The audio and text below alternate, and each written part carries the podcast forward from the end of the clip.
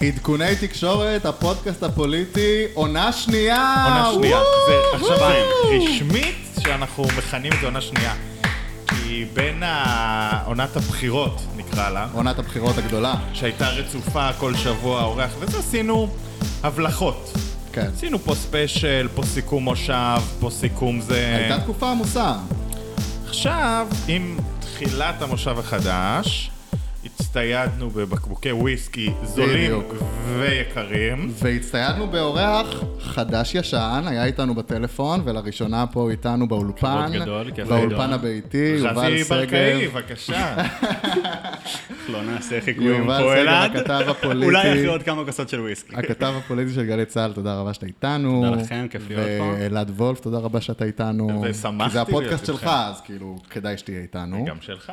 אולי לא, בעונה השנייה יגוונו אני- גם במגישים. אני דור בן דור, אה, שלום לכולכם. וזהו, אז אה, בתחילה, לפני הפרק שאלתי אתכם מה אתם תעדיפו, מהוויסקי הזול או מהוויסקי היקר? אני בחרתי ויובל בזול. צנוע. יש פה שניים שבחרו מהוויסקי הזול, ואלעד- ואחד שבחר את היקר.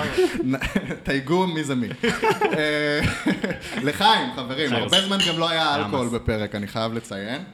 אז אנחנו חוזרים אה, לפרק קבוע, כל יום שני.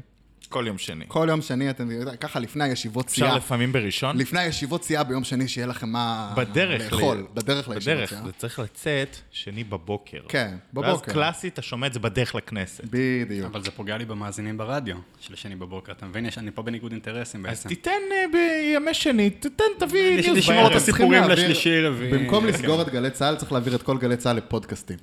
זה מצוין, כל אני- אחד אני ישמע מנוע מה שבא מלהתייחס לו, לנושא. מתי שבא לו. ישר הבאנו לך שאלות קשות. אמ, טוב, וחוץ מזה, נספר למאזינים שמכירים אותנו עוד אה, מתחילת דרכנו בעולם הפודקאסטים, או. שאנחנו אה, חוזרים גם אה, עם עוד פודקאסט. כן, זהו, רציתי, אה, האמת אהוב. ש... רציתי לעשות לוויה מראש, יובל יגיד, אבל צא, אני צריך לברך אתכם בכלל על משהו וזה, ואז נעשה... אבל לא שכחתי. דיברת איתו על הביום. שכחתי לעשות את זה. היית שזה עסוק לא עלה ב- בשיחת היית הכנה. עסוק בסיפורים מהפרסה, שזה, אגב, אנחנו תכף נדבר על זה. כן, אז זהו, אז אנחנו חוזרים לפודקאסט ישן נושן, לפודקאסט המקורי שלנו. חסינות על הפרק. כן. וואו. זה חוזר. זה גם שם שאתה חייב להגיד אותו ככה, זה בערך. חסינות על הפרק! לא כן. ואנחנו... וגם כאילו... פ- לא פודקאסט משנה. הישרדות שלנו יצא בימי ראשון, אז אתם תוכלו בת- לפתוח איתנו את השבוע, יומיים שלמים, יום ראשון, חסינות על הפרק מומלץ לצופי הישרדות וגם למי שאינם צופי הישרדות. נכון.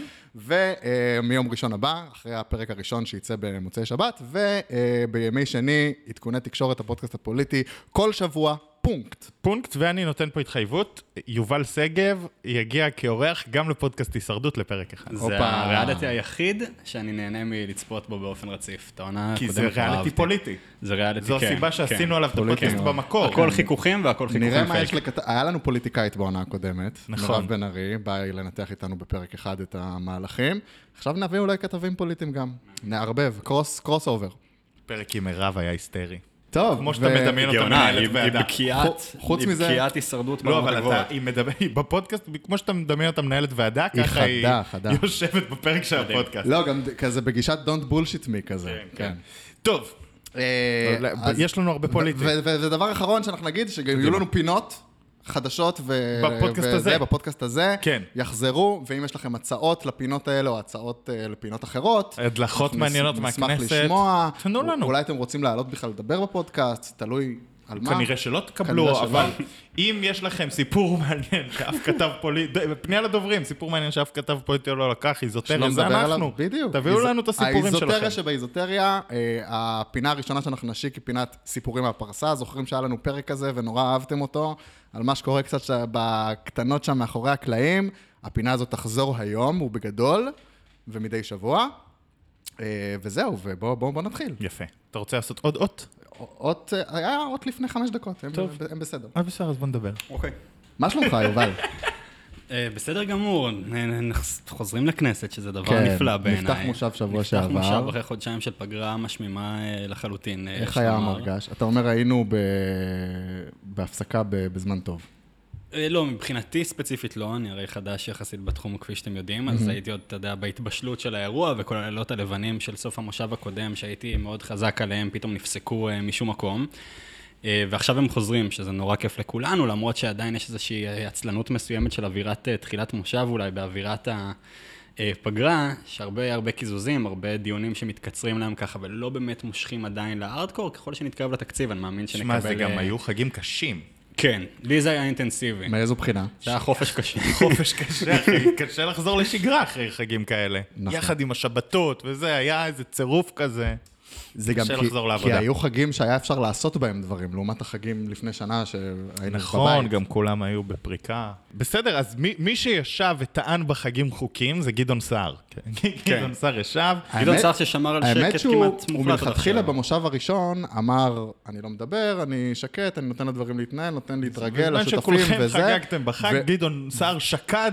והוא מההתחלה אמר גם בראיונות המעטים שהוא נתן במושב הקודם, זה שאת כל האג'נדה שלו הוא הולך להביא במושב הבא, ויהיה שמח.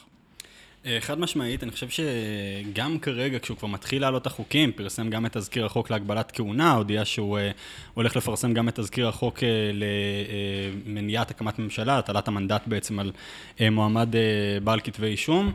הוא עושה את זה בשלב הזה, אבל הוא עדיין, אני חושב, לא הולך עם זה עד הסוף. זאת אומרת, הוא רואה את האיומים של רע"מ מצד אחד לא לתמוך, לפחות בחוק השני. זאת אומרת, החוק הראשון של הגבלת כהונה הוא די קונצנזוס, החוק השני של אה, הטלת מנדט על נאשם קצת יותר מורכב. ורואה למרות- גם למרות את האיומים של שדווקא- רע"מ להצביע נגד. דווקא החוק של הגבלת כהונה, ה- ה- ה- אני דווקא יותר אה, מבין את הטיעונים נגדו, כי בסוף אנחנו בשיטה פרלמנטרית. אה, כמו רוב מדינות העולם ש... כן, בוא, בוא נגיד שנייה את האמת. הגבלת כהונה זה צעד פופוליסטי שהוא נוגד את שיטת המשטר בישראל בכל כן. צורה. אם כי- היינו שיטה נשיאותית עם הצבעה ישירה, אפשר להבין את זה כמו לא, בארצות הברית. הציבור הישראלי בדיוק, הוא לא בוחר ראש ממשלה. זאת אומרת, ההנחה הזו שהציבור הישראלי בוחר ראש ממשלה היא הנחה לא נכונה, ולכן להגביל כהונה של... זה כמו להגביל כהונת שר, להגיד בן אדם לא יכול להיות שר תחבורה יותר משתי קדנציות. כן, היה- לא, אבל וה- אני מבין את הטיעון שאומר, מי שלא- מה שלא הצלחת לעשות שמונה שנים במשרד התחבורה, כבר לא תעשה כן, אבל בשנה את התשיעית. האמון ואז זה זה גם- שלו. גם- זה גם טיעון פופוליסטי. קצת פופוליסטי, נכון, אבל- אבל יש, ב- בעיניי יש בו מן האמת. גם את, ה, גם את המנדט שלו בסופו של דבר הוא מקבל מהכנסת, ראש הממשלה, נכון. ולכן גם כנסות מתפרקות פה, זאת אומרת, ברגע שהכנסת עושה אי אמון.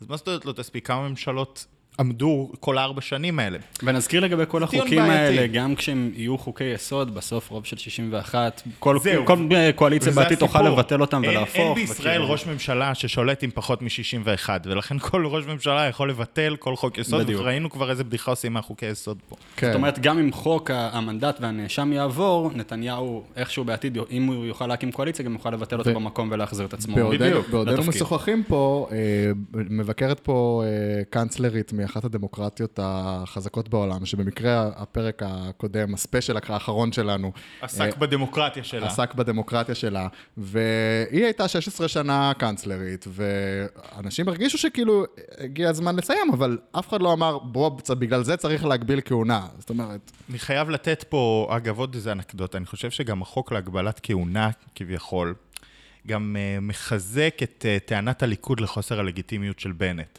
כי הליכוד אומר, לא דמוקרטי שראש ממשלה עם שישה מנדטים יהיה ראש ממשלה וכולי. עכשיו, זאת אומרת, לא דמוקרטי. זו השיטה בישראל, זו השיטה. כן, יש קואליציה. ראש הממשלה נבחר על ידי חברי הכנסת, ולא על ידי כלל הציבור, לא בבחירות ישירות.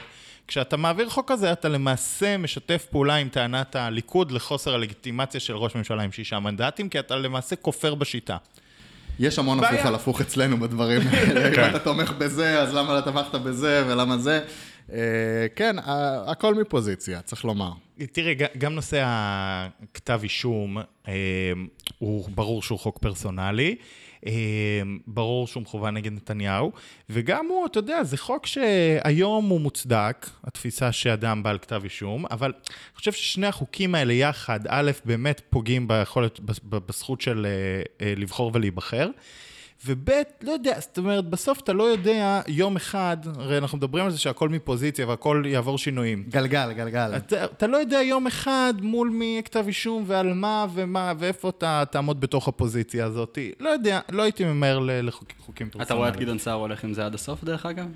זהו, אגב, זאת השאלה המעניינת. אני חושב שסער מבחינתו ירצה ללכת על זה עד הסוף, כי זה להוציא את נתניהו סופית מהמגרש. אה. אגב, לא הגענו לפינת הסקרים, אבל תקווה חדשה ברצפה. ברצפה מינוס. זהו, וזה הסיפור. תקווה חדשה ברצפה מינוס, וזה נראה פשוט שגדעון סער לא, כאילו, יש לו משימה כרגע. אין- אין להם מה לתת. יש לו כרגע משימה, היא להוציא את נתניהו מהמגרש, הוא לא, אתה, אתה רואה, תקווה חדשה לא בונה את עצמה, תקווה חדשה לא עושה שום דבר אה, אה, ציבורי, תקווה חדשה לא מתחזקת לתקווה חדשה. זאת אומרת, זה אגב- נראה כאילו הוא עדיין במשימה של להוציא את נתניהו מהמגרש, ויש לו תוכנית לאחרי זה.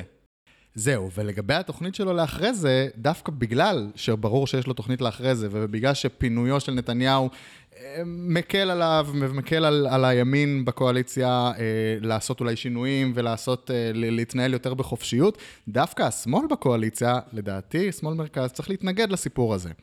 אה, כדי כי להראות כל- שהוא לא כל- כל מפוזיציה, עוד- או כל- להראות כל שהוא... עוד נתניהו אופציה, הם בקואליציה. אה, נתניהו טוב לשמאלנים, ו- כן. וכל עוד נתניהו, ב- כל- פוליטית. בר- וברגע שנתניהו, ברגע שנתניהו הופך להיות לא אופציה, או ברגע שיש משהו, שניר ש- ברקת בראשות יש הליכוד. משהו שמגביל עוד נגיע אותו, לזה. ברגע שיש משהו שמגביל אותו להתמודד, אה, השמאל אה, סיים את אה, תפקידו ויכול לפנות את מקומו לליכוד, לחרדים, ל- נכון, עכשיו זהו, במידה מסוימת יש משהו, ב, ב, זאת אומרת, אני משוכנע מהיכרותי הפוליטית, לא האישית, עם, עם גדעון סער, שמדובר בפוליטיקאי מאוד מאוד מחושב, הוא מבין שהוא מתחת לאחוז החסימה, הוא מבין שלמפלגה שלו היום אין הרבה הצדקה, ולא נראה שהוא מחפש להצדקה, זאת אומרת, אני חושב שהוא עדיין בתוך איזושהי משימה, ויש לו אנד גיים אחר, ודיברנו על זה בפרק אגב עם אה, יואל חסון ואבי וידרמן, נכון. על אה, מפלגת אה, אה, אה, גנץ, בנט, אה, אה, סער, האיחוד שלושה- ה- שלושה ה- הימין שחקנים- המתון, איחוד שלושה הימין המתון. שחקנים שהם היום בכירים, אבל בסקרים ראינו שאין להם הרבה מקום.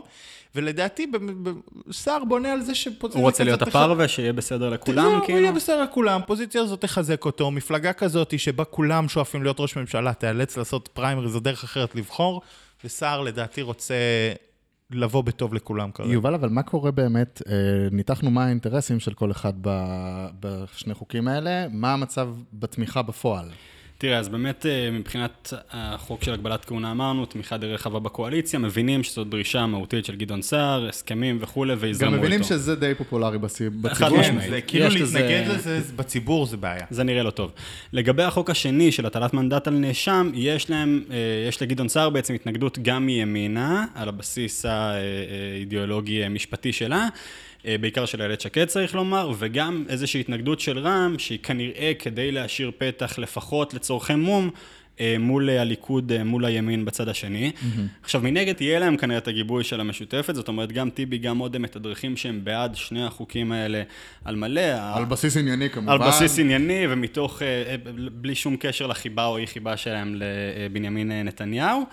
אה, השאלה אם זה יספיק לגדעון סער, והשאלה היא כמה אה, ימינה, בעיקר איילת שקד, שממשיכה לנסות להראות כל הזמן כמה שהיא ימנית ונאמנת, נאמנה? נאמנת? נאמנה. אבשלום קור יהרוג אותי. כן, אין- אין- אין לנו אה, אבשלום קור. כן, נאמנה אה, אה, לדרך ולאידיאולוגיה שלה, בסופו של דבר, עד כמה הם ייתנו לגדעון סער ללכת עם זה עד הסוף, ועד כמה הוא ירצה ללכת עם זה עד הסוף, כשאנחנו כל הזמן זוכרים ברקע את הניסיון שלו, לפי התזה שלך, אלעד, שאני די מתחבר אליה, להישאר כאיזשהו מועמד אה, שמוסכם על אה, כולם. אנחנו רואים את זה גם במהלכים שלו כרגע בוועדה לבחירת שופטים, שהוא קצת מפלרטט עם נשיאת העליון, קצת מדבר על שיתופי פעולה איתם, מועמדים יותר פר, ולא להביא איזה מישהו שמרן, אה, הארדקור, אה, בוועדה לבחירת שופטים. וגם לא להפך, זאת אומרת, לא להביא מועמדים ליברליים מדי, שאפשר לטעון עליהם שהוא מתחנף לשמאל או משהו כזה, זאת אומרת, כן, הכל גדעון- פרווה, גדעון הכל סער פרווה. כרגע מעדיף שלושה מועמדים פר ויחד עם השופט כבוב, או מועמד אה, המיעוטים האחר שיהיה, אה, מאשר ימי- ימין, שמאל, זאת אומרת שמרן, ליברל ופרווה. הוא לא רוצה לעצבן אף מערכת. וגם לא שיש לה- רוצה- וגם לא רוצה שהמתחרים שלו שיש ירוויחו לה קרדיט, זה איזושהי- גם כן... כן, אה, הוא גם לא רוצה לתת הישגים למתחרים. שיש לה, לא רוצה לה- לעצבן אף מערכת שיש לה איזושהי השקה לפוליטיקה, אה, חוץ מהליכוד עצמו, ששם הוא שרף את כל הקשרים. כן, כן. לא, אבל, אבל במידה מסוימת, תראה, אה, זה נכון שאני רואה דווקא איזשהו כשל מימינה. יש בימינה כמה גורמים לחיצים שעדיין מנסים להוכיח את ימניותם אה, בכל הכוח. אנחנו רואים עכשיו את שקד עם כל חוק אה, קידום, ה- חוק ההגירה וחוק האזרחות המחודש עם שמחה רוטמן. אני חושב שמשם יכולה לבוא איזושהי צרה דווקא ל- לחוק הזה. אנחנו רואים שה... אה, רש- אתה יודע, דווקא מכולם, רשימה של ראש הממשלה היא לא הרשימה הכי מיושרת ב- בקואליציה הזאת. כן, וגם רשימה שקצת מתנהגת כאילו היא לא רשימה של ראש ממשלה. זאת בדיוק, אומרת, הרבה זה- מהתגובות של החברים זה שלה הן האירוניה. מאוד קפריזיות ובשליפה, ו- וקצת נשמעים כמו אה, מרץ מבחינת התפקיד שהם אה, מהווים, ולא המפלגה. כן, זאת אומרת, מור- מוסי רז, שאמורה אביר להיות ה- קארה, יום טוב חלפון ו... ואיילת שקד, הם כאילו הקולות כן. לא- ה... זה לא רק אם אתה בעד או נגד הקואליציה, אה, או מהלכים של הקואליציה, אלא האם יש לך אסטרטגיה תקשורתית אחידה למפלגה שלך? ואם אין לך... נראה שלא. אם אין לך, זה אומר שאתה לא בטוח שהמפלגה הזאת תישאר מפלגה. אה, קודם כל, אני בטוח שהוא בטוח שהיא לא תישאר מפלגה. זאת אומרת, כן. ברור שימינה היא לא הברנד, זה, אתה יודע, אנחנו מדברים על הסקרים. צריך להבין, ימינה היא לא ברנד שתהיה קיים בפ- במרוץ הבא וגם לא תקווה חדשה. לעומת גדעון סער היא עדיין שורדת מעל אחוז החסימה, היא אבל שור- במצב די קטסטרופלי. היא שורדת מעל אחוז כן. החסימה במצב לא מדהים. אגב, צריך גם לזכור שהרבה מהבוחרים שהצביעו ימינה הם לא הבוחרים שהיו מצביעים לה בסקרים. אה, זאת אומרת, היום היא נשענת על בייס אחר, ל- לפ- אני מעריך שלפחות חצי מהבייס עזב. ההערכות שלהם, כן, שבערך נשארו איתם 40-50 אחוז מהמצביעים הקודמים, והשאר... אה, בדיוק, השאר חדשים. אז זה אומר יש שם איזה שמתוך... מנדט של בוגי יעלון ככה. זה פרגנת דרך לו. אגב, ט- טענה במערכת הפוליטית שגדעון סער עובר תהליך של בוגיזציה. אם אתה רוצה. בוגיזציה. כן, כן. משפט ששמעתי בשבוע שעבר. יפה, משפט יפה. בוגיזציה, שרוניזציה, כל מיני. אבל אה, גם זה במספר המנדטים פחות משקף. כן, בדיוק. אבל זה, ד, ב, בהקשר הזה, תשמע, מאחר והמפלגות האלה לא יישארו כפי שהן, והברנדים האלה לא יישארו כפי שהן, ברור לך שהסקרים האלה היום זה, זה סתם, זה שהוא מתחת לאחוז החסימה, זה חסר משמעות. בנט לא יכול לרוץ עם בייס, שאם אנחנו מדברים על זה שמתוך שבעה מנדטים, חצי חדשים, זה אומר, הוא לא יכול לרוץ על בייס של שלושה וחצי מנדטים, ראינו מה, לאן זה הוביל אותו בפעם הקודמת. ולכן המס- המפלגות האלה לא יהיו בפעם הבאה, וכרגע הכל זה קונסטלציות. אני חושב נכון, שזו לא לפעם גם עוד סיבה הראשונה. אתה יודע. שהאיומים שלהם קצת ריקים, כי ימינה בסוף צריכה עוד זמן להתבשל ולהבין מה הקהל שלה לפני שהיא הולכת לבחירות. זאת אומרת, כל האיומים והתדרוכים שאנחנו רואים משקד ויום טוב כלפון וקארה והחבר'ה האלה, אין, זה די אקדח ריק מכדורים. נכון, אבל אני מאמין שפשוט אה, מה שיקרה זה שימינה לא תהיה, בכל מקרה. וכולם מחפשים באופן פרסונלי את עתידם. זאת אומרת, שקד רואה את עצמה כן כמנהיגת ימין שלא רוצה לשרוף את כל הגשרים. בנט רוצה לראות איפה הוא נכנס בתוך רשימה ממלכתית שבה הוא מגיע כראש ממשלה לשעבר, במידה ותהיה רוטציה אה, כמועמד אה, גדול. או במינימום שר ביטחון, כדי להישאר משהו קרוב. כן, לא, אני אומר, הוא ראש ממשלה לשעבר, הוא לא יכול לרוץ שוב עם אה, ימי, ב- בראשות ימינה עם אה, אביר קארה ועידית סילמן, במקומות כאילו שתיים ושלוש. כאילו, זה... ובנוסף צריך לזכור שזה בן אדם שהבטיח, או לפחות חתם בהסכמים הקואליציוניים, שהוא הולך להיות שר הפנים לשנתיים ורבע. כן, זאת אומרת, הוא הולך להגיע לבחירות הבאות, אם באמת בתור, זה, בתור שר אה, הפנים. כן. יש הרבה מאוד אנשים ש... ששקד שרת המשפטים. אולי, אולי הוא מתכוון לעשות שם אה, כ- קצת אה, בחישות במוניציפלי, ככה לארגן לו אולי כמה נציגים מכל מיני עיריות אה, טובות, שזה דווקא אולי מחשבה נכונה לקראת מערכת בחירות, אבל אה, מבח- ברמה הארצית זה לא איזה משהו שמדבר לציבור הבוחרים בצורה מאוד חזקה. לא. אני גם לא יודע אם הרבה מועמדים במוניציפלי ירצו לרוץ עם הברנד של ימינה. נכון. לא יודע. אבל... אה, ב- בטח לא תקווה חדשה. שכבר אי אפשר לקרוא לה תקווה חדשה, כי היא כבר לא חדשה. זהו, אז זה כבר לא תקווה- חדש. כן. תקווה קיימת? 2.0. תקווה. מה עם חגית משה? תקווה נוכחית. מה עם חגית משה? מה עם חגית משה באמת? היא כן. שאלה יכולה יפה. לחזור, אגב. אה, מה מה עוד מעניין היה בסקרים? זהו, עברנו לאייטם הסקרים? לא, נראה לי שהתגלגלנו לתוך הסקרים. התגלגלנו אליו. כן. נקלע. נקלענו אני- לסיטואציה. אגב, אני אגיד לכם, ב- בסוף בסוף בעיניי, ח- הסיפור הכי גדול בסקרים האלה, זה ש-35 המנדטים של הליכוד, אה, אומנה עלייה, והליכוד עולה, ואיזה נפלא לימין ולביביזם וכולי, עדיין נתניהו נגוע, ועדיין, גם עם 35 מנדטים, כן. וגם עם 40 מנדטים, אין קואליציה. אני חושב שאמרת את זה אין כבר לביבי- בפודקאסט, שמה ש- מה שצריך להסתכל עליו בסקרים האלה בעיקר, זה כמה למפלגות הקואליציה הקיימת וכמה למפלגות המתנגדות לקואליציה הקיימת. ועדיין זה אירוע היסטרי שבאופוזיציה, אחרי חודשים לא מוצלחים במיוחד של האופוזיציה, עם כתבי אישום, עם... אני- הבן אדם לא זז. אה, לא, אגב, מה זה לא זז? אני אגיד לך מה המסקנה. הפורס... ה- ה- הסקרים שפורסמו בעת המושב הקודם, בזמן שהליכוד היו אופוזיציה בכנסת, היו נתונים נמוכים יותר. ובעוד לא הייתה כנסת והייתה פגרה, כן. והליכוד לא עשה את ההטרלות שהוא עושה באופוזיציה במליאה, לפתע הליכוד עלה. אבל אה, נתניהו עשה הטרלות בארצות הברית. בסדר, אבל זו הטענה שלי, בסופו של דבר... הן לא היו הפעיל- ציבוריות במיוחד. הפעילויות, לא, אבל הפעילויות האופוזיציוניות של הח"כים לא במליאה מרשימות אותם ובוועדות מדי. לא מרשימות, מה אלא זה- להפך. מה זה לא מרשימות? בדיוק, ההפך. ההפך, בזמן פגרה, ליכוד עולה. זה פוגע ב- זה בסוף הסיפור. באמון.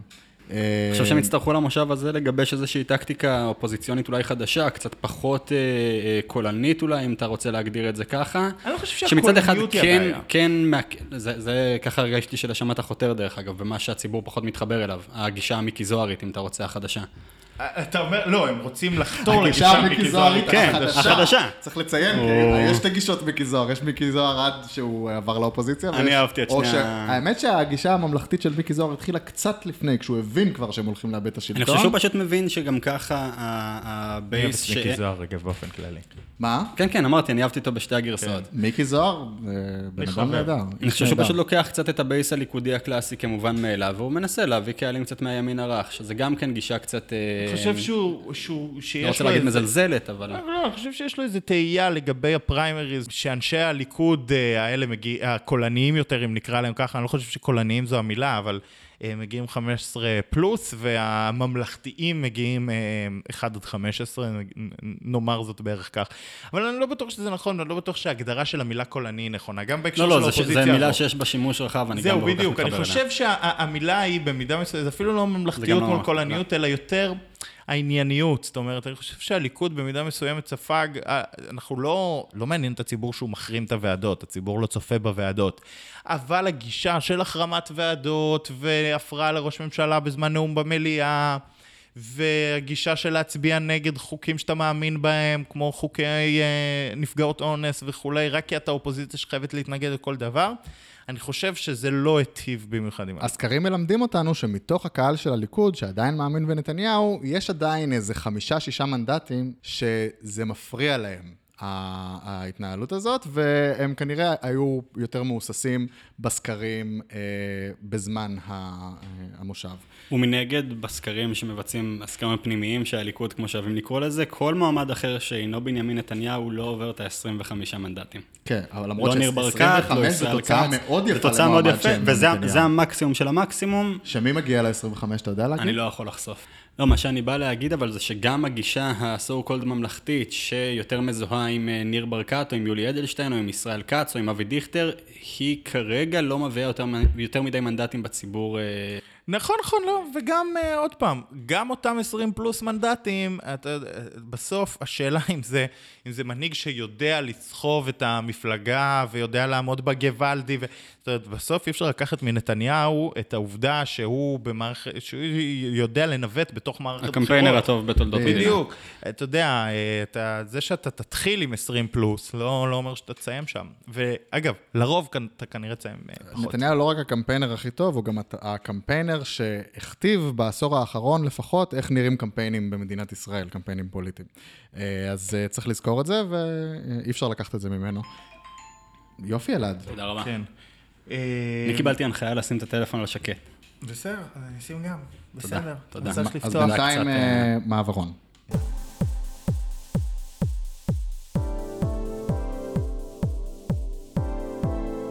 זהו, עכשיו התחלנו לדבר קצת על הליכוד. ומפה אנחנו ישר זוחלים. אל נצלול. הנושא הבא. עכשיו, אה, התחלנו לדבר קצת על הליכוד ואיזה גישות קיימות שם וזה, ואני חושב, יש לי הרגשה לפחות ממה שאני אה, ראיתי וצפיתי ב- בחדשות שמסקרות את הסיפור הזה, שקשה להם אה, לרדת לעומק של הדברים ולמורכבות של הדברים. זאת אומרת, יש שם מורכבות ודקויות הרבה יותר ממה שיש זמן אולי באייטם של כמה דקות אה, ב- בטלוויזיה וברדיו אה, לדבר עליו. אני לא ראיתי אייטם של כמה דקות אה. אז אה, זהו, אפילו... על הנושא הזה. כותרת. אה, מקסימום סיטאפ של 20 שניות. בדיוק. אז אה, בבקשה. אז אה, אנחנו פה כדי להרחיב ו... על הטרש לט- הפוליטי. לטפול באיזוטריה של האיזוטריה של הקרבות בתוך הליכוד. מה, מה, מה קורה שם? אה, אתה רוצה להוציא את ההודעה? כן, אני מחפש את ההודעה. אני- ה- אני רוצה שנסתכל רגע על האירוע הזה, זהו, היה- מתוך יש אירוע אה, מאוד פריזמה אה, של אה, הודעה אנונימית שיצאה לחברי מרכז ליכוד אה, בשמם של קבוצת נאמני נתניהו בליכוד. אה, וההודעה הזאת סובבת סביב... מי מכם מקריא אבל? בוא נקריא. לא, יובל, יובל אני- מוביל אני את אעשה קריאה האירוע. אומנותית, אוקיי. יובל מוביל את האירוע. אה, ניתן קצת רקע קודם. אה, דודי אמסלם, כחלק מהמאבקים בתוך הליכוד על מי יירש את נתניהו וכולי וכולי, מתחיל- מחליט לקדם איזשהו חוק שכבר קיבל תמיכה מאנשים גם של גדעון סער בכנסת הקודמת, אפילו אני חושב ממיכל שיר או משרן השכל, של בעצם הגבלת ההוצאות שמועמד יכול להוציא על קמפיין ועל פרסום עצמי בזמן שאיננו מערכת בחירות. שזה ניר ברקת. זה מדהים, אגב. מדהים אה, Obviously. שיוצאת הצעה כזאת מחבר כנסת של הליכוד באופן כללי, כי זו הצעה די אה, סוציאליסטית, הייתי אומר. אה, כן, כן, אנחנו רוצים אגב, לשמור את אמסלם- כולם באיזשהו איזון. אמסלם היה הראשון להביא, אה, מה זה הראשון? אמסלם העביר את הצעת החוק של הגבלת ההוצאות בפריימריז. אז הוא מגיע עם רעיון כזה, אה, שבעצם על פי גורמים בליכוד, אה, בעצם נתניהו שולח אותו לקדם את העניין הזה כדי לפגוע בקמפיין הסופר ממומן ומושקע של אה, ניר ברקת, בעיקר בפנים ליכודי אה, בשלב הזה, שגם הביא תוצאות מאוד טובות בסקרים, באותם סקרים פנימיים ובאותם, ובסקרים שגם ניר ברקת ואנשיו אה, עושים. אה, ואז יוצאת ההודעה הזאת באמת ל... מסרון, למ- שהוא למי הגיע? נשלח בתפוצה רחבה לחברי מרכז חברי מרכז. ופעילי ליכוד. אה, יצא המרצע מהשק, ynet מפרסם שגדעון סער חבר לדודי אמסלם בהצעת החוק הפרסונלית שהגיש נגד ניר ברקת, בכך גדעון סער נותן הכשר להצעות חוק פרסונליות ויקדם את הצעת החוק הפרסונלית נגד נתניהו, זאת אומרת קו- קושרים בין ההצעה של דודי אמסלם נגד ניר ברקת בפועל, להצעות של גדעון סער נגד נתניהו שכבר דיברנו עליהן. אה, כדי להפיל את ברקת, אני ממשיך את ההודעה, כדי להפיל את ברקת בגלל סכסוך אישי מהעירייה, עיריית ירושלים, דודי אמסלם יאפשר להפיל את נתניהו, לא נשכח לך, אמסלם העש- העסקן, את החבירה לגדעון סער, ומי שחותם את ההודעה הזאת, נאמני נתניהו בליכוד. אהה. עכשיו, אני חושב אה, דבר- שמי דבר ששמע את ראשון- הסיפור עד כה יכול להבין שנאמני נתניהו הם כנראה, לכאורה, נאמני ניר ברקת בהודעה הזאת. לכאורה. בוא, אה, דבר ו- ראשון, ואיך- ואיך- מ- ואיך- מסר מאוד מורכב להודעת מאוד SMS. מורכב, אין כן. פה... זה לא- זה לא- נשלח בשעות הערב, אז זה הזמן ככה לשבת לנתח את זה. לא מחשבה נכונה לצ- להוציא מסר כזה, מורכב. גם אין פה כמעט פיסוק, זה עד- לא, לא, אני דווקא לא מסכים איתך, דור. אתה לא חושב, אתה חושב אבל, שזו אבל הודעה איך, יעילה? איך כן, זו הודעה התחלנו יעילה. מחוק של דודי אמסלם, שנועד לטובתו האישית של נתניהו בקרב הפנימי בליכוד, לדודי אמסלם פועל יחד עם גדעון סער נגד מה ביבי. זה, סגור כבר, ynet פרסם, כן. יש לנו תגובה מ-ynet? כן. ת- תעלו לי את מורן אזולאי. ק- קדימה, קדימה. בסוף אתה, אה, נ- ניר ברקת, אה, זה חוק אה, שמאוד פוגע בו, וניר ברקת מעדיף לקשור את עצמו לנתניהו מאשר לקדימה. ככל הנראה. אה, זה מה- זה כאילו מה שאומרים על אה, ניר בדיוק, ברקת, זה שהוא- הקמפיין שהוא נגדו. טה קדימה, טה קדימה בליכוד. וכשאמסלם הביא חקיקה, שאגב, ברור שהיא חקיקה בעיניי טובה, אבל ברור שהיא מכוונת אה, נגד ניר ברקת, אה, לקשור את, אה, ניר, את, אה, את החקיקה של אמסלם כחקיקה נגד נתניהו, זה צעד יעיל. עכשיו, נכון, זה בהתחלה עובר בהודעה מורכבת, ואחרי זה זה עובר בתדרוכים לכתבים, ואחרי זה זה עובר בחזרה שוב ושוב ושוב על זה שאמסלם וגדעון סער פועלים נגד נתניהו. אני חושב שרוב מצביעי הליכוד לא קונים את ההודעה הזאת, אתם- אבל... אתם שמעתם אבל דיווחים ברור שכאילו שלא, לא... אבל אתה, אתה יודע איך אה, מתבצע קשר כזה. אתה אומר משהו שוב, שוב, שוב, עד שהוא נדבק. אתם שמעתם דיווחים שלוקחים את הפרשנות הזאת ומאמצים אותה? לא, לא, ברור עוד לא. שלא. לא. ברור שזה בקרב פנימי, ואני לא חושב שאף פרשן, אני חושב שכל פרשן מבין גם את, ה, את האירוע הזה, אבל אה, בסופו של דבר זה קרב על דעת הקהל. ב- בסוף בסוף אה, נשאלת פה השאלה איך, איך חברי הליכוד, חברי הכנסת של הליכוד, יצביעו על הצעת חוק הזאת. שמע, אני אכנס אבל לעוד אנקדוטה פה עם דודי אמסלם וניר ברקת. ניר ברקת, כידוע, ראש עיר אה, מיתולוגי של אה, ירושלים. כמעט, מיתולוגי. כמעט ברמת טדי קולק, יש לציין. אה, מה, שתי קדנציות היה לו? שתי קדנציות, סתם. מפוארות. אפרופו- אפרופו הגבלות כהונה. אה, סתם. אז יש איזושהי תזה ב- ב- בתוככי עיריית ירושלים, במסדרונות העירייה שאני הייתי מנוי אליהם ככתב ירושלים עד לא מזמן, אה, שדודי אתה אמסלם... הוא- נותן פה שילוב בין שני תחומים. וואו, וואו, מתגעגע מאוד. הפודקאסט המוניציפלי זה שנה הבאה, לא? כן, כן. זו העונה לקראת השלישית. הבחירות המוניציפליות, זו העונה בדיוק. השלישית. אה, היה איזה רעיון בקרב גורמים בירושלים שרצו להריץ את דודי אמסלם לראשות העיר, אה, גם מקרב החרדים, שקצת לא היו מרוצים ממשה ליאון באותה תקופה, גם אה, כמובן הליכוד ודברים כאלה, כרגע להבנתי זה לעומת זאת ירד. כן, מאוד מרוצים מדודי אמסלם. מאוד מרוצים מדודי אמסלם, להבנתי כרגע זה ירד מהפרק, כי משה ליאון ככה עשה איזושהי סולחה ו- וריצה את החרדים בזמן האחרון, אבל יש איזושהי תזה שקושרת בין תפקיד ראש עיריית ירושלים לדודי אמסלם, דודי אמסלם עבד בעיריית ירושלים בתפקידים נכון. בכירים הוא בעבר. גר כיום בירושלים? כן, דודי אמסלם כ- איש ירושלים. הוא איש ירושלים קלאסי. קלאסי. אגב, ככתב אה, ירושלים פלוס פוליטי, בעבר. אולי אתה יודע, לא, כן, בדימוס. בדיוק, בד- ירושלים בדימוס ופוליטי בהווה. יש דווקא שאלה שמעניינת אותי בהקשר הזה, אה, מה, איך עובד, אה, איך עובדת הסולחה של החרדים עם, אה, עם משה ליאון לאור ה- שבירת הברית בין ליברמן לחרדים, שהרי משה ליאון היה מועמד משותף של ליברמן והחרדים. זהו, היה מועמד משותף של ליברמן והחרדים, עדיין בקשר גם עם ליברמן וגם עם החרדים, למיטב ידיעתי, לשכת המוזמנת להעביר לנו אה, תגובה מסודרת אה, בתגובות של הפודקאסט. אה, כרגע, החרדים לא היו מרוצים ממנו בתחילת הקדנציה, תדרכו נגדו הרבה, אני זוכר שעוד הייתי שם. אז איך נראית ה- הסולחה שלהם, אני באמת לא יודע, זה כבר השלב שלא הייתי, אבל אני יודע שגם במפלגות החרדיות בכנסת, גם האנשים שעוד נשארתי בקשר איתם מעיריית ירושלים, כרגע מרוצים ממשה ליאון, זה עניינים כלכליים מן הסתם, תקציבים, אישורים וכולי, אה, ומאוד סביר שגם בשנה האחרונה זה יעלה עוד איזשהו הילוך מבחינתו. מאוד- מאוד קל לפתור משברים במוניציפלי, כן, כי לראש זה ברור. העיר יש כל כך הרבה כוח לשנות דברים ולהסיט דברים. אפרופו ו- זה, שם אני ב- תומך בהגבלת קדנציות, אגב. נכון. זה בבחירה ישירה, יש בבחירה לראש עיר ישירה. אה. המון כוח, הוא יכול לכהן גם ללא קואליציה. נכון, קדנציה היא פורל, אגב אה, חמש שנים, זה עשר שנים במצטבר, בסדר גמור. כדאי ומומלץ. עכשיו תגיד לי, ליברמן, איך הוא מתכונן למושב החדש? זה בן אדם שנעלם לנו מתחת ל... מאז שיש קואליציה והוא סיים את משימתו להעיף רגע, את אבל אה, האמת שיש נתניהו, הוא לי נעלם יש לנו לי שאלה מהדף. רגע על הליכוד. כן.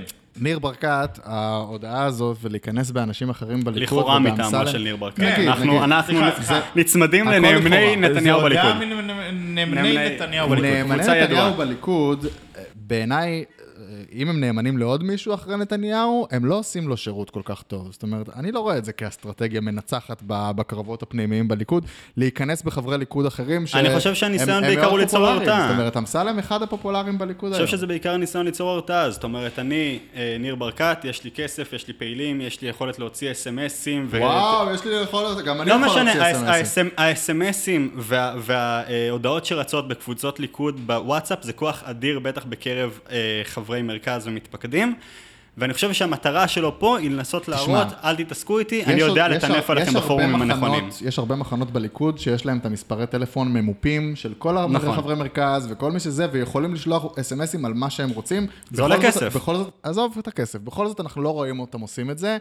זה יכול לעלות גם אה, ברמת ה-300 שקל. אני אגיד לך איפה האסטרטגיה הזו היא פחות נכונה. אם אתה שואל אותי איך להדביק את ההצעה, איך לפורר את ההצעה של אמסלם, כן, לנסות להפוך אותה להיות הצעה נגד נתניהו, זה לא, לא רעיון רע, כמו שאני אמרתי.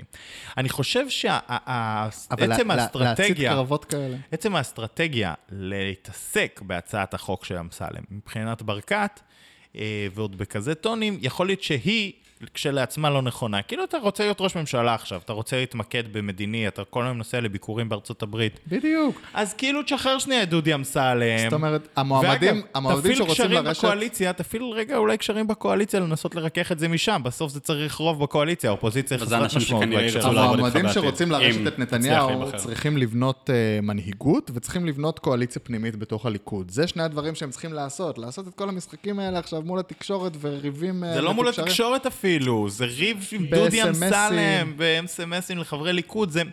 זה, זה שם את מביך, ברקת, זה מביך. זה לא מביך, זה פשוט שם לא, את רוב האנשים- ברקת רוב- במשבצת שהוא לא רוצה להיות. אני חושב שפשוט רוב האנשים אה, לא אה, מגיעים לנקודה שאומרים זה ניר ברקת וזה וזה וזה. זאת אומרת, אפשר להבין מי שמתעמק בהודעה הזאת. אני חושב שרוב חברי הליכוד שלא רפרפו את ההודעה הזאת יכלו להבין ממי זה מגיע. ועדיין הוא נוקט איכשהו בטקטיקה שהיא כאילו יותר אומר עדינה, אני לך, לא אבל למרות מתלכלך זאת, על מלא. אפילו אם הם שדרך לא אגב, מבינים שזה הנקודה- ניר ברקת. הנקודה שהוא התלכלך בה על מלא היה סביב הפרסום של מסמכי פנדורה. נכון. ששם הוא רמז בצורה מאוד עבה שהמתחרים שלו, קרי לכאורה נתניהו, אה, בחשו בפרסום הזה, למרות שגם זו טענה קצת תלושה. אני רוצה להגיד לך עוד משהו, זה לא... גם מי שקורא את ההודעה הזאת ואפילו לא חושד לרגע שזה ניר ברקת, בסדר? אני הולך איתך אפילו צעד אחד קדימה. העובדה שההצעה של דודי אמסלם, שהיא נגד ניר ברקת, והדבר הזה עולה שם וכולי, למה, כאילו, זאת אומרת, למה אתה צריך לקשור את זה שלאמסלם יש נגדך חוק וזה? זאת אומרת, זה, זה סוג המקרים הקלאסיים של אם, אם תתעלם או... תשחק, אם חשוב לך לבלום את ההצעה, תשחק אותה שנייה פוליטי לפני שאתה מגיע לזירה הציבורית. בדיוק. זה פשוט כאילו, א- א- א- עצם התביעה בבוץ הזה, אנחנו גם ראינו את ההיסטוריה סביב מסמכי פנדורה, אז מסמכי פנדורה, זה היה איזה עניין אצל אה, צייצו עליו איזה יום אחד. אני חושב וזהו. שבעניין הזה ניר ברקת זה מבין... לא נדבק, וניר ברקת שמר על זה בסדר בכ- היום. בעיניי זה בכוונה, כי ניר ברקת כדי מבין להיות שכל, נתניהו? שכל להיות יו"ר נרדף? Mm. ליכוד חייב אלמנט של נרדפות, ולא בתור מיליארדר פריבילג אין את הנדבך הזה בא- באופי ובסיפור האישי שלו. הוא לא רוצה להיות נקי כן, מדי. נכון, אתה צריך להראות שהתקשורת רודפת אחריי. אני ב- ב- בעיניי, כתבתי את זה גם לאנשים שלו באותו יום, ת- תמנפו את זה. בשביל- ב- ל- ב- ל- ב- כ- אז הוא- כן, כעצה. אז אז מה שמונף זה הדבר הפחות נכון דווקא ל- ל- למנף. אה, כן. לא, אני הצעות חושב חוק. שהסיפור עם אמסלם וזה, הוא לא מינוף אה, אסטרטגי, הוא רגשי. דרך אגב, גם אם החוק הזה יעבור, אני חושב- אסטרטגית זו פעולה טובה כדי לבלום את החוק, אבל זה פשוט... אני חושב שבפנים ליכודי הוא כבר בנה את עצמו מספיק טוב, ניר ברקת. המצב שלו בקרב המתפקדים הוא מצוין מבחינת הסקרים. אם יש אה, מחר פריימריז הקיימים. בליכוד, בהנחה שבנימין נתניהו לא מתמודד כמובן. בהנחה אם- שהוא לא אם מתמודד, ביבי לא ניר ברקת קיים, ניר מועמד ברקת מוביל. עול- עולה- לוקח בהליכה. כן, מה אבל אתה בואו, אומר? אנחנו מס- אנחנו צריכים לזכור שיבואו עוד מועמדים אני מדבר בחוץ. אם זה קורה מחר. בסדר, ועדיין יש לך את יוסי כהן. שעדיין ב- ראש השב"כ ב- עדיין לשעבר. בצינון אה, יש של לך את כמה חיים שנים. ביבס, אה, יו"ר השלטון המקומי. גלעד ש- ארדן, שיחזור גלעד מארצות ארדן, הברית. שהוא באו"ם. ועדיין, גם כשהשמות האלה משתלבים בסקרים, עם ביבס אני מודה שלא ראיתי, עם ארדן ראיתי, כרגע לפחות, ניר ברקת במצב הרבה יותר טוב מכל המתחרים שלו על הכתר. מעניין. שאלת משהו על ליברמן. לא, סתם טעיתי אם יש לך איזה אנקדוטה על ליברמן, כי הוא דמות... אה, כשאנחנו מדברים על איחוד אה, אה, כחול לבן, אה, בן אה, צער אני לא רואה את וזה, ליברמן נכנס לשום איחוד, כן, כי הוא צריך את הש- פעם- כי הוא צריך את השליטה האבסולוטית. כי כאילו, הוא נכ- עשה- כי הוא עשה את נכנס זה רק- פעם אחת עם הליכוד ונכווה בטירוף. הוא לא נחווה בכלל, הוא קבע את הליכוד, בוא, זאת הייתה רשימת ריצ'רד שבה הוא יכל להתפצל מתי שהוא רוצה, הוא מינה את האנשים שלו, והוא גדל מאוד על חשבון הליכוד שהתכווץ במערכת הבחירות הזאת. ועוד הוכחה שתמיד כי בפוליטיקה הוא השיג- הישראלית השלם קטן מסך על הקו. בדיוק, וליברמן השיג שם אחלה ריצ'ראץ'. אבל, אה, אבל גם שם הוא שמר על כוח אבסולוטי, הוא לא נכנס כמפלגה דמוקרטית, הוא נכנס ב- ב- ב- בריצ'ראץ' עם שתי מפלגות עצמאיות, ברשימה משותפת. אבל אני תוהה עכשיו, כשהוא סייג את נ- נתניהו ועשה ממשלה בלי החרדים, מה... מה איך הוא השלב הבא? מכין את עצמו למושב הקרוב? זאת אומרת, מה תהיה האסטרטגיה שלו? תראה, קודם כל יש לו הרבה הרבה מאוד השפעה וכוח שהוא לא ימהר לוותר עליה, זה מצד אחד. מצד שני, הממוצע של ליברמן בממשלות זה שנה וחצי. מה קרה פה עם הוויסקי אלעד? פלטת קצת? לא, לא, הכוס פלטה, הכוס פלטה. אה, הממוצע של ליברמן בתוך קואליציה מדבר על משהו כמו שנה וחצי. שזה כן, זה סטטיסטיקה מסכן מאוד לפיד. מעניינת, למרות הכוח, למרות הזה, לא, לא הייתי מוריד את העיניים ממנו גם בהקשרים האלה, למרות שעל פניו נראה ששקד וגנץ ורע"מ שמע, הם יש לו כל המוקשים כך היותר הרבה גדולים. כוח בתור שר אוצר, אני לא רואה אותו מתפטר. זהו, לא, ומצד הוא שני, אין- התפטר כשר ביטחון, הוא בעד- התפטר כשר חוץ. בעד שום אוצר שבעולם אני לא רואה אותו מתפטר. הוא התפטר כשר בשביל- כ- כשר ביטחון, התפטר כשר חוץ. כן, אבל מה שר... השונה שר- באוצר? שר... האוצר... שאין זה- לו ביבי מעל הראש. א', גם, אבל גם יש פה שליטה בכל מה שקורה בכל משרד ממשלתי אחר. עכשיו אה, הוא מעביר תקציב. אה, יד על השיבר זה דבר שאנשים אה, אני מבין, אבל הוא מת- מעביר עכשיו... מתמכרים אליו. הוא מעביר עכשיו תקציב. זאת אומרת, א- א- אני מסכים איתך מעביר- יעביר תקציב ויתפטר? שלא, לא, לא עכשיו. אני- אני מסכים עם ההנחה שלא מרץ, לא רע"מ, לא ימינה ולא תקווה חדשה עם ה... זאת אומרת, ואני מדבר פה על הסמנים הכאילו... אה, אה, אידיאולוגים ימין ושמאל הם לא המוקש הזה, לדעתי יש שני מוקשים ש- פרסונליים לקואליציה הזו, וזה אחד, ליברמן עם נטייתו לא להתפטר תוך שנה וחצי, וב' בני גנץ עם נטייתו לא לתת ללפיד את הרוטציה. אה, שהיא ש- שתיהן נטיות אישיות פרסונליות לחלוטין, אני רוצה וזה לדעתי להיכנס פה שני לעוד המוקשים משהו הכי עוד גדולים. יותר פרס- פרסונלי ופחות אה, אה, מוכר או מדובר, העניין של מרב מיכאלי. מרב מיכאלי רואה בעצמה בשנים הקרובות מנהיגת גוש השמאל-מרכז. ברגע שהיא- ומפלגת העבודה חוזרת להיות מובילת הגוש. נכון, מפלגת העבודה ומרב מיכאלי לא יפרקו את הקואליציה הזאת, אבל הם מאוד לא ירצו לראות את יאיר לפיד כראש ממשלה, כי זה כבר ימצב אותו באופן כמעט סופי כמנהיג הגוש. ולכן חושב גם ש- לה אני יש חושב איזשהו שהם ירצו אינטרס. ללכת לבחירות לפני ש... שוב, אני- אני- לפיד ירצו, אבל נכנס? לא אני- יפרקו. כי- בדיוק, הם יעדיפו שמישהו יעשה בשבילם, מה זה יעדיפו? הם חייבים שמישהו יעשה בשבילם את העבודה הזאת, אבל יש להם אינטרס לדעתי לפחות, לפחות למיכאלי, לא לראות את לפיד כראש ממשלה אה, לאורך זמן. מעניין. אה, סיפורים מהפרסה? סיפורים מהפרסה.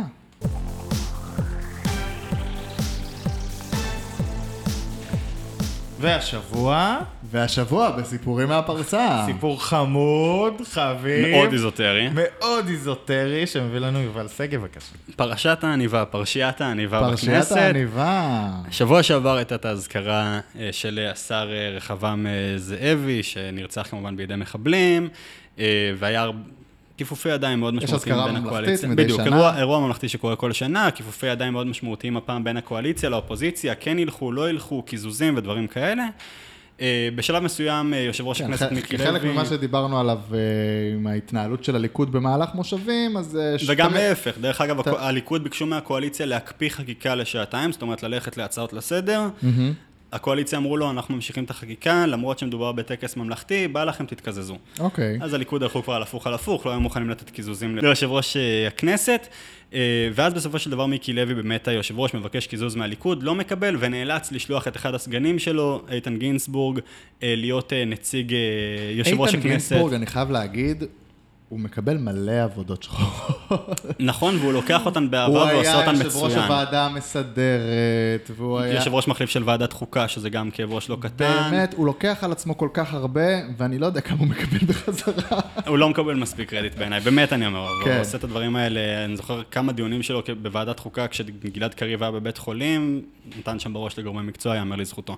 אחד מהעובדים החרוצים חד בכנסת משמעית, היום. חד משמעית, ואחד ממנהלי הקואליציה בפועל בעיניי, אה, בימים שעידית סילמן אה, לא עושה את עבודתה עד הסוף, ושהרבה מחברי הקואליציה לא מקבלים את מרותה כפי שאמור להיות. כן, כחול לבן, זה לא רק אה, התבכיינויות של גנץ. חד משמעית, חד משמעית, יש שם הרבה אנשים מצוינים. אה, אז איתן גינצבורג נשלח באמת לאזכרה של אה, גנדי, בא לצאת מהכנסת, רואה שאין לו עניבה, ואירוע חייבים- ממלכתי מחייב עניבה. חייבים להגיע עם ברור. עניבה, מה זאת אומרת? אז הוא, מיקי לוי רואה אותו, אומר לו, איתן, אין לך עניבה?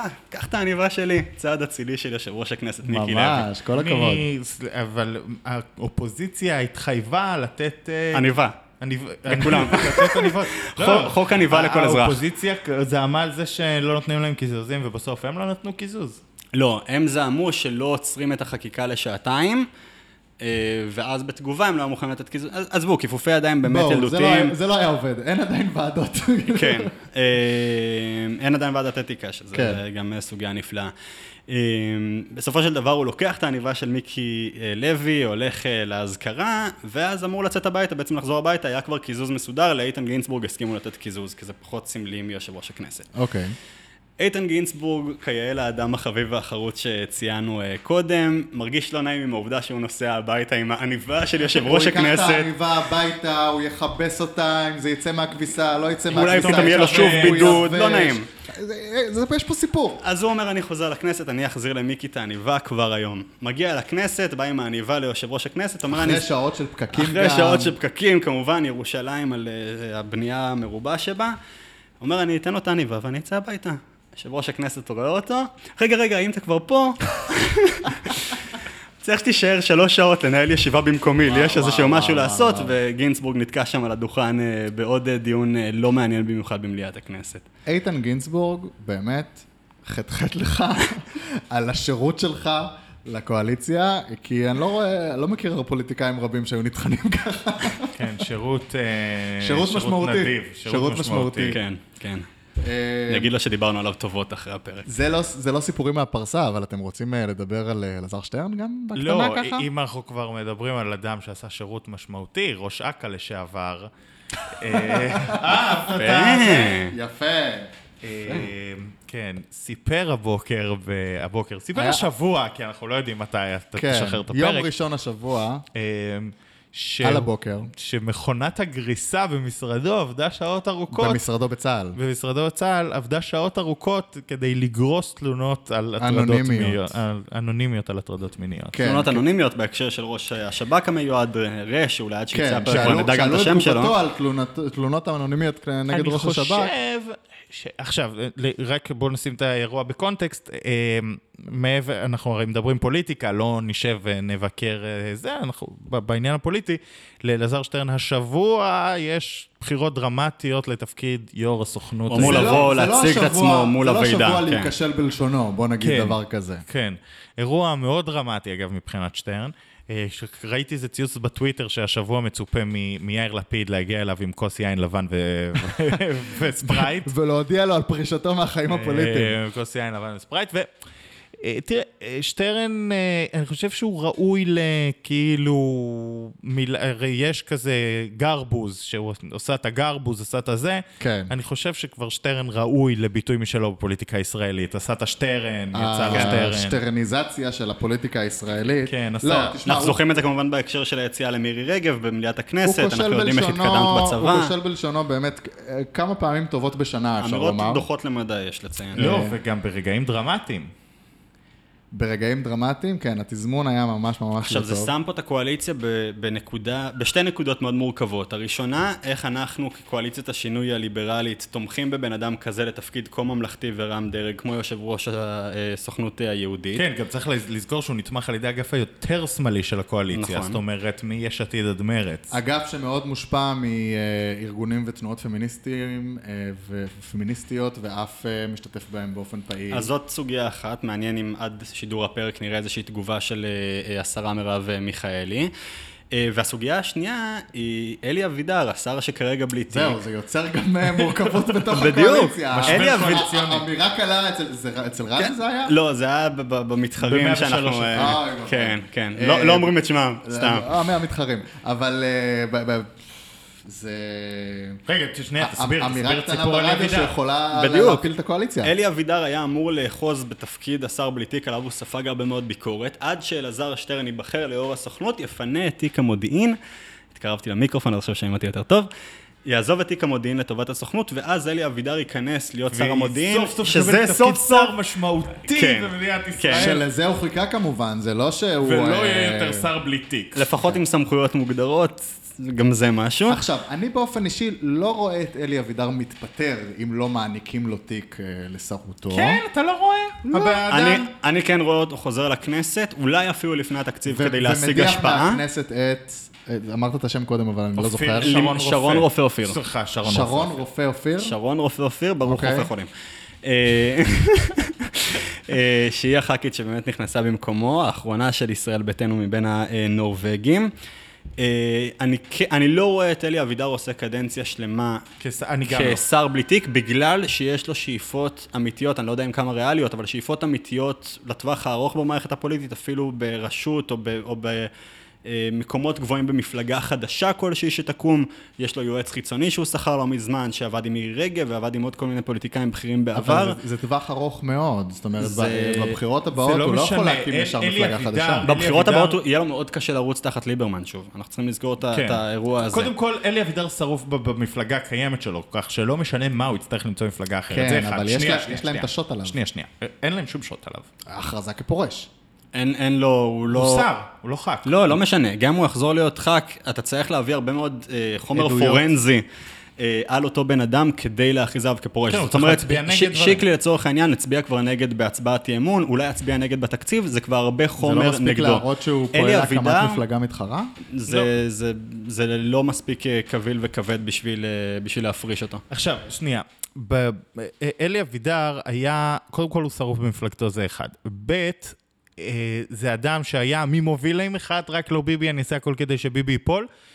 ותבין שאת השיגעון שבממשלת 61, בלי ביבי הוא התחיל פתאום לסחוט. זאת אומרת, זה בן אדם שאין לו, אין לו מעצור בהקשר הזה, אין לו איזה, הוא לא, הוא לא רואה בעיניים בעניין הזה. אני חושב שהוא נהנה גם מהתדמית הזאת. צריך יכול לומר. להיות. וג', הוא הבד בוי הוא קיבל, הוא קיבל כל כך הרבה ביקורת על עצם הכניסה לתפקיד שר בלי תיק, רק כדי לקבל, אחרי- להשתדרג אחרי זה לא לשר ישר אחר, של שאני קדנציה לא שלמה. רואה אם אותו כן, עושה זה יהיה שם ציני קדנציה שלמה. ברמות הגבוהות לא ביותר. וגם אין לו, אין לו איך למנף את זה, זאת אומרת, אחרי זה להקמת, אתה רואה, הוא בשקט מוחלט היום, זאת אומרת, אה, מה הוא יעשה עוד שלוש שנים, עוד שנתיים, עוד שנה, כשהוא דרך אגב, יצא העובדה לרוץ? שהוא התפטר מהכנסת הייתה לכאורה, ועל פי פרסומים גם אצלנו, גם במקומות נוספים, דרישה של אה, אביגדור ליברמן, שלא רצה אותו ככאב ראש, לא בתקציב ולא בוועדות, ואמר לו, אוקיי, אתה רוצה את האירוע הזה של שר המודיעין בעתיד?